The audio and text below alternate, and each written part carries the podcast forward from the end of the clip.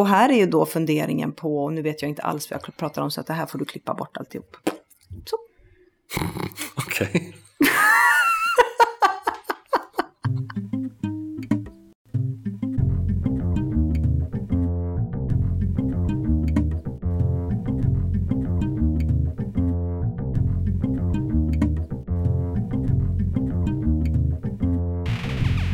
Hej på er! Det här är podcasten Social by Default igen. Och precis som alltid så är det jag, Sara Larsson Bernhardt och Deeped Niklas Strand som gör den här podcasten. Konceptet Social by Default, precis som podcasten, är ett samarbete mellan Knowit och United Power. Och vill du läsa mer om oss, gå till socialbydefault.se. Har ni frågor till oss eller åsikt om avsnittet, twittra med hashtaggen socialbydefault eller prata med oss på vår hem Facebook-sida. Länkar och liknande hittar ni på podcast.socialbydefault.se. Hej Sara! Hej Niklas! Hur mår du? jo då, det är, det är vår ute och eh, det har varit en lång och intensiv vecka. Ja, vi har ju suttit på varsitt håll hela veckan. Mm. Och du har varit ute och farit en del. Lite. Du är mm. i Göteborg. Ja, och här är det också vår. Det börjar nu. Ja, jag väntar på att eh, gatorna ska sopas. Sen är det vår på riktigt och då åker skinnjacka och eh, tunnare skor fram. Mm. Annars då? Vi har gjort klart massa saker. Vi, vi, har just nu en hel del skrivande. Det är ganska annorlunda. Inte strategiskrivande utan vi har fått några artikeljobb. Mm. Som, som vi har nu de här Jätteroligt. veckorna att göra. Det, det är spännande mm. uppdrag. Vi har ju lite mera på varsitt håll just nu. Alltså mars har ju blivit en månad där vi inte reser så mycket den här gången. Nej. Till skillnad då från april där vi kommer vara kanske mer borta än på hemmaplan. Ja. Så det är ju en, en förberedande månad inför vad april ska komma och massa skrivjobb. Så det är annorlunda kul. Och det känns lite som mars, eller åtminstone just nu är det lite samma sak när det gäller nyheter på sociala mediefronten. Mm. Händer inte så mycket Många väntar nog på Apple-eventet som ju har blivit framflytt framflyttat flera omgångar som nu sägs vara 21 mars. Och sen tror jag, är det många som håller andan tror jag inför Fate som är då Facebooks event som inte är varje år utan det kan vara tre år emellan, det är två år men det är ett stort utvecklarevent och det kommer den 12 april och då bland annat vet vi att de kommer släppa upp instant articles för alla publicister. Och mm. det kommer ju förändra väldigt, väldigt mycket. Ja, verkligen. Och vi har ju gått igenom en period med ganska mycket mycket uppdateringar, förändringar. Så nu är det väl en liten, ner, liksom en liten avvaktande period inför det här. Och sen har ju också SXSV precis startat i Austin. Och i det här eventet så brukar ju en hel del saker hända. Och förra året som exempel lanserades ju Mercat i samband med det och det blev ju en stor snackis. Mm. Även om det var Periscopes lansering några månader senare som faktiskt tog över hela diskussionen med livestreaming-appar och faktiskt är väl det som folk använder idag. Mm. Och precis, och idag har, har ju Merca till och med förklarat att de pivottar, som det heter på vårt lilla språk, helt enkelt tänker förändra hela sin inriktning mm. i hur appen fungerar. Så de har, de har helt enkelt gett upp gentemot Periscope och inser att det blir nog Facebook och Periscope som kommer fighta som livestream-pengarna. Ja. Minns du Joe? Jo. Den, ja. den fantastiska appen. Den, den lever ju fortfarande. Jag använder den faktiskt inte sådär intensivt men den lever genom att man kan då koppla ihop den med andra tjänster och så och få ett yo när något uppdateras eller man har alltså matchresultat eller när man kommer i närheten av sin bil mm. och sådär. Så lite smart hela den här notisgrejen. De har i alla fall släppt något som heter Yo Pols okay. som är att man kan svara på olika enkäter enkelt och snabbt och där tänker de väl sig att man ska som företag köpa in sig på enkäter och folk ska svara då med på skoj och så kan man samla lite poäng och så. Jag tror väl inte den kommer flyga så där jättehögt liksom, men lite kul att de, de, liksom, de fortsätter med det här väldigt basala och väldigt enkla. Mm. Ja, det kan bli intressant att se om det flyger eller inte. Någonting som flög eller blev viralt i veckan är en sak som dök upp i mitt LinkedIn-flöde häromdagen. I tisdags eh, så var det en tjej som hette, eller heter Natalie Gordon som var inne och handlade på Whole Foods i USA. Och eh, stötte på en produkt med färdigskalade apelsiner som då var förpackade i en plastburk. Tar en bild på de här apelsinerna och skriver, översatt då till svenska, om bara naturen kunde hitta ett sätt att täcka dessa apelsiner så att vi inte behövde slösa så mycket plast på mm. dem. Och det här blev ju då tokviralt.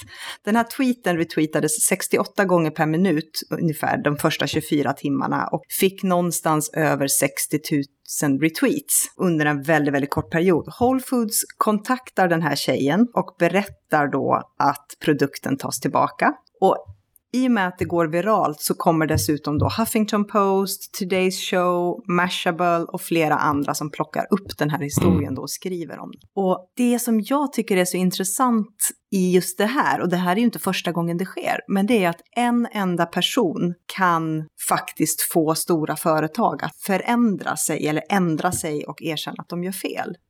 Men det är så många spännande saker som händer en sån här gång. Mm. För just som du säger, det, här, det är någon som verkligen startar det här som man ibland för, men det går inte att skapa virala saker utan att man har jättemycket pengar bakom sig och sådär. Eh, det går det visst det, om, om det är tillräckligt bra, om incitamenten och alla, alla månar och stjärnor står i rätt vinkel så är det klart att det gör det. Och just i den här diskussionen om hållbart samhälle och miljötänk och att vi nu använder så mycket plast och liknande. Att den här tweeten kanske inte hade blivit viral för ett år sedan, men just nu är det en väldigt infekterad historia. Alla har en åsikt och därför så får den luft under vingarna och Whole Foods blir helt enkelt tvingade till att dra tillbaka produkten. Ja, och framförallt så ligger det också i kontexten, jag menar Whole Foods har ju ett varumärke som då ska vara naturligt och, och väldigt mycket liksom ja, men att, att driva på hela den eh, närodlat och eh, ekologiskt trenden och så göra en mm. sån här grej. Så det är ju verkligen, verkligen fascinerande hur man kan göra en sån otrolig miss och, och kanske inte har uppenbarligen inte scenario planerat för, för själva krisen sen. Jag kan ju tycka, alltså jag tycker ju det är fruktansvärt att man ska behöva en plastförpackning kring en skalad apelsin, samtidigt som jag tycker det är sjukt jobbigt att skala apelsiner. att är... Men sen tycker jag också he hela då, så att säga, den virala ut utvecklingen som hon beskriver så bra är också lite som vi har kunnat se. Att man, det börjar någonstans, det börjar bland influencers, det, det får ganska rejäl fart. Sen kommer mm. ofta media och gör den ja, ännu starkare och helt mm. enkelt mångfaldigar eh, själva genomslaget någonstans. Ja, det är en spännande historia. Eh...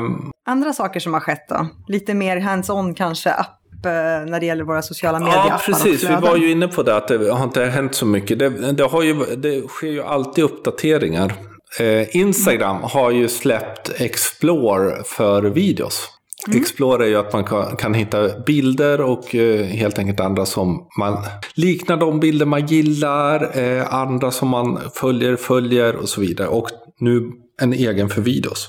Ganska intressant. Mm, det är roligt tycker jag. Och sen kan man nu också se både då antal videovisningar, det pratade vi om förra gången tror jag. Mm. Eh, men nu har de också sett till så att när man klickar då på videovisningssidan då kan man se hur många som har gillat. Så att det, det som vi sa att det är synd att man inte längre kan se hur många som gillar en video. Det, det kan man nu då, men lite, lite stökigare än förr. Jag märker att eh, sen antal visningar började visas så är det färre som gillar. Mm. Utan man ser, eftersom man bara ser antal visningar så blir det någon slags indikation på att nej men nu har jag sett det. Mm. Så att antalet integrationer kring videos tror jag har gått ner avsevärt om man ska tänka aktiv mm. integration, så som en klick eller kommentar. Så förhoppningsvis, eh, och det är ju inte alls säkert att det blir så, så kommer de väl kanske göra en kombo, ja. tror jag. Det skulle vara intressant för, åtminstone ur ett företagarperspektiv, att se hur många är det som ser det och hur många är det som faktiskt uppskattar videon. För det är ju faktiskt en skillnad på de två. Ja. De experimenterar ju hela tiden och jag tror att de här olika nätverken driver driver ju utvecklingarna med och mot varandra. Eh, det ser man ju också om man tittar på Snapchat som just nu är vår lilla älskling. De uppdaterade med nytt typsnitt häromdagen. Ja, det var... Först blir man upprörd och kränkt och sen så tycker man att Nej, men det här är ju ganska bra faktiskt. Ja. Sen någonting som jag tycker om, de har ju i sina lenses emellanåt haft ett slags snyggfilter som gör att man liksom blir lite utslätad och lite ljusare och alla de här sakerna som man gärna blundar för eh, försvinner. Och nu har de lagt in ett sånt snyggfilter permanent. Just det, vad var det vi sa? Eh, mm. De flest nya kommer med runt 35 till 45-åringar. Så det... Precis, så det här är ett liksom botoxfilter alla Snapchat.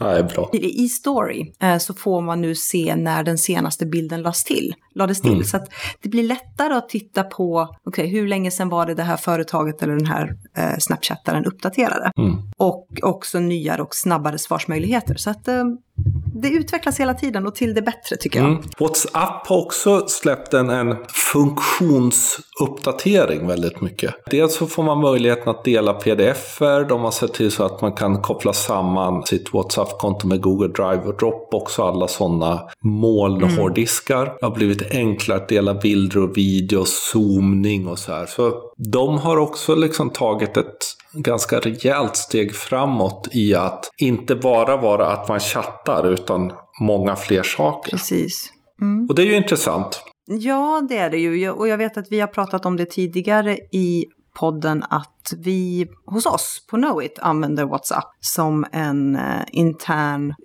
chattfunktion men där de här olika funktionerna då faktiskt kommer öka incitamentet och eh, göra det än mer värdefullt att använda faktiskt. Mm.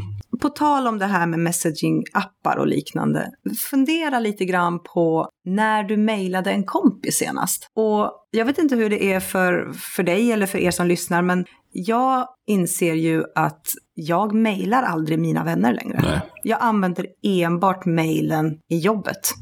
All annan konversation har jag på olika sociala nätverk och framförallt via olika typer av messaging-appar.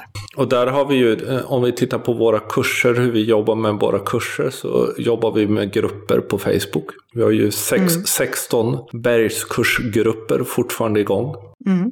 Det är spännande. Där, där, vi med andra då projekt där vi jobbar med lite färre personer har grupper i Messenger. Där vi mm. konstant har kontakt med då, framför de vi har coaching med men också liksom med jämna mellanrum med det som är våra kunder då för att ha, ha väldigt snabb tillgång. Jag tycker det, det Precis som du säger, men mejlen är ju ganska ointressant på många sätt. För precis det här hade vi tänkt att vi skulle prata om i den här podcasten. Just hur vår förändring av messaging-appar har någonstans professionaliserat mejlen, men också äter på mejlen ur ett eh, arbetsperspektiv eftersom man ser att det är fler och fler som faktiskt flyttar över mycket av även den jobbrelaterade kommunikationen mm. in på andra nätverk. Mm. Och det intressanta är ju när man men när du och jag började föreläsa och när jag började föreläsa så var ju de här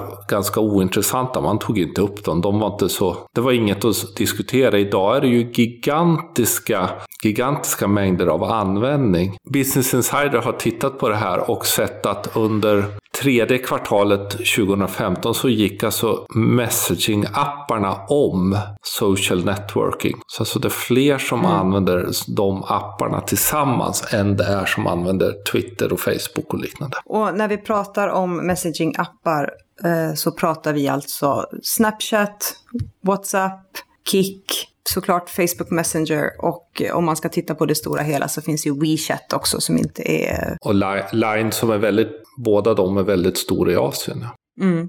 Men det är, det är intressant hur stort det har blivit och hur snabbt det har gått. Framförallt är det ju väldigt många av de unga som, som har börjat med det och driver den utvecklingen framåt. Mm. Man kan ju se att jag kan bara titta på vår familj och nu är vi inte så här jätte, jättestora, men hur WhatsApp tar över mer och mer av den konversationen sen, sen dottern fick en mobiltelefon. Mm. Det blir ju praktiskt på något sätt för att man, man vet att alla ser ett meddelande och det är ju likadant om man tittar på just i vårt perspektiv då när eh, vi har de här grupperna på, på Facebook. Att vi, man alla får en överblick utav det som sägs. Mm. Det blir lite knöligt när man ska hålla på och mejla fram och tillbaka. Mm. Och framför allt så är mailboxarna så fulla av massa annat. Så att det blir en bättre konversation och en snabbare dialog i messaging-apparna än vad det blir på mejlen. Och jag menar, om vi säger då att mejlen professionaliseras, jag, jag, tror att vi kommer se, alltså, se många fler som också professionaliserar det här, mer gå, utnyttjar det här mer som ett internet, lite som ni har gjort på Know, know It Experience. Mm. Därför någonstans så alla dessa mejlkedjor, när jag jobbade i kommunen så var det, hade jag en bild som jag ibland skickade mitt in i en sån här mejlkedja där det var så ungefär en hand som försökte ta sig upp ur ett hav av mejl. Liksom. Därför det, det var sådana mängder som kom så det var svårt att få någon sorts kontroll över. Och jag tror också att man har någonstans eh, förstört mejlen utifrån det perspektivet. Man har varit inne och CC att alla istället för att fundera på okej, okay, vilka är det som det här är viktigt för?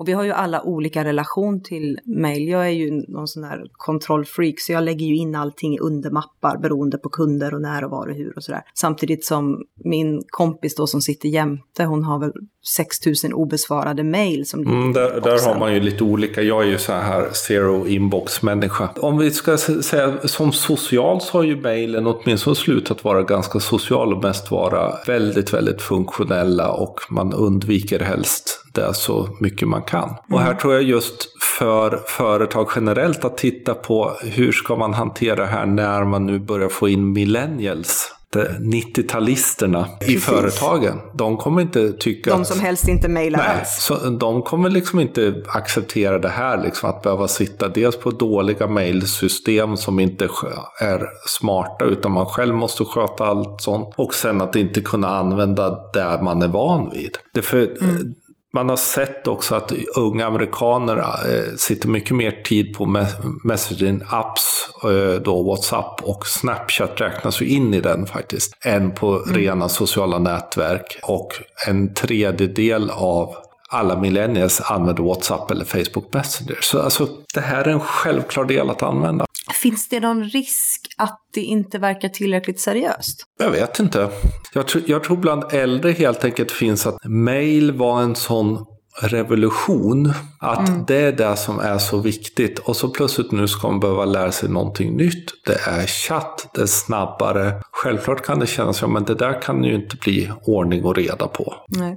Men om man ska titta på utifrån företagsperspektiv eller organisationer och så här, vad finns det för vad finns det för fallgropar eller baksidor nu? När, om vi nu säger att det är generationer av millennials som kommer in på arbetsmarknaden snart och de har inte vanan eller de vill inte använda mail. Hur funkar det på en kommun till exempel när man jobbar med att allting ska vara öppet, allting ska kunna arkiveras. I en, I en sån kontext att ha de här apparna där det faktiskt är någon annan som äger själva plattformen, skulle det fungera eller är det någonting som sätter käppar i, i hjulen? Alltså det här var ju, när, jag jobbade i Uppsala var ju det här en st den stora knäckfrågan när, när vi skulle starta Snapchat-konto. Ja, men hur ska vi kunna arkivera saker? Eh, mm. Eh, och där får man ju, alltså, som i allt, sätta upp processer för. I den delen hade vi att varje, varje kväll innan man gick hem så sparade man hela dagens Snapchat. Story.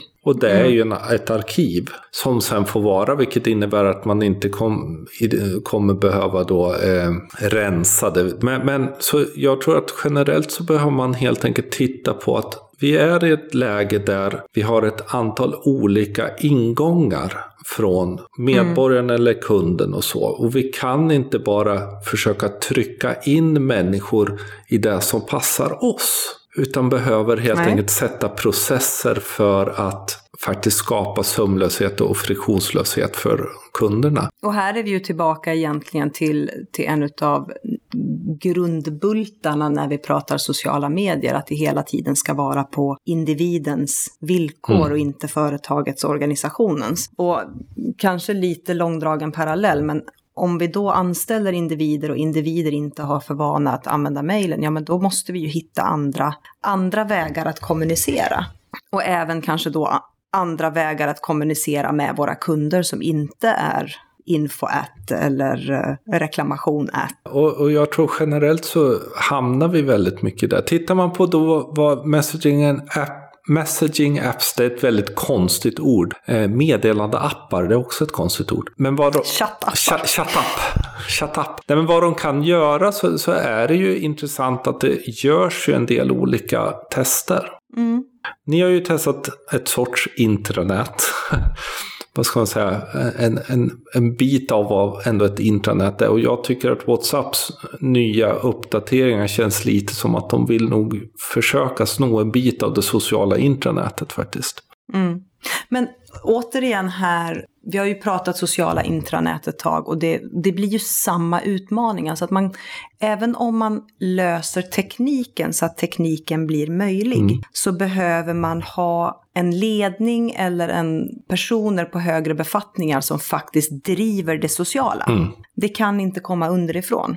Jo, men om man nu tänker utifrån ett företagsperspektiv och vi vill använda messaging-appar för att vi känner att det här är ett sätt att vi vill kunna nå våra kunder eller vi vill skapa speciella tillfällen och sådär.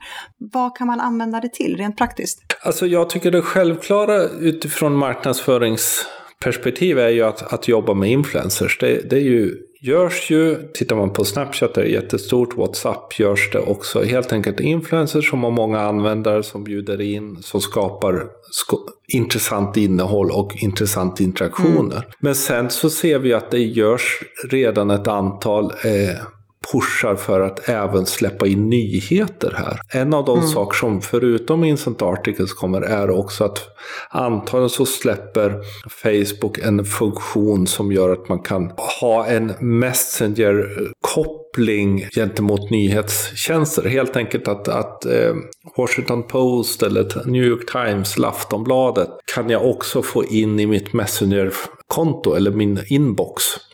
Och man kan dessutom i USA, har jag för mig idag, direkt i Messenger beställa Uber till exempel. Alltså att man mm. gör i den här mm. appen. Precis. En sak också just runt nyheter är att titta på den nya Quartz-appen. Alltså det finns ju en, en, en nyhetstjänst som heter Quartz. De har gjort en app där, som faktiskt är uppbyggd som en chattapp. Där man helt enkelt mm. får en, liksom, typ, någon rad om en nyhet och så kan man skriva då berätta mer och så får man ytterligare fler del, alltså fördjupningen av mm. Men sen tänker jag mycket att eh, vi har pratat om grupper när det gäller utbildning och så, men jag tänker också att olika events kommer ju säkert kunna, man kunna tänka sig att man istället för att ha en enda stor, så nu ska alla prata på samma, i samma system, så är ju ofta att några är intresserade av en sak på ett event, andra är intresserade av en annan sak och då kunna skapa den sociala interaktionen utifrån den delen och utnyttja WhatsApp eller liknande. Mm. Kundklubbar är ju också en sån, ett sånt segment där de här apparna skulle kunna fylla en stor funktion. Framförallt om man använder kundklubbar som är lite olika intressesegment eller lite olika åldersgrupper. Mm. Och då kunna driva bakom kulisserna, få erbjudanden om saker som mer är för just den lilla gruppen. Precis, ja, men det, det blir en mycket, mycket mer VIP och här kan man ju använda det här för riktigt vippiga kundklubbar och så har man en mm. större kundklubb någon annanstans och så har man den vanliga dödliga på en Facebook-sida.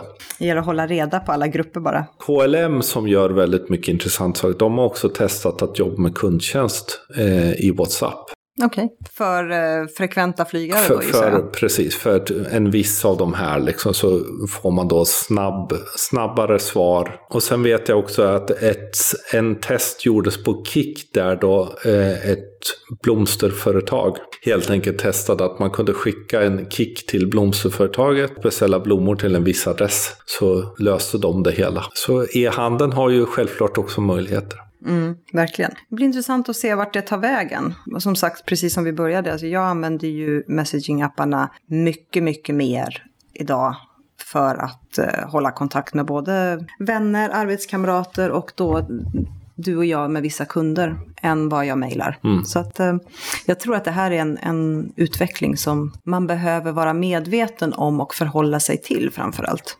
glömma det gamla sättet att göra reklam och framförallt glömma en hel del räckviddsmått.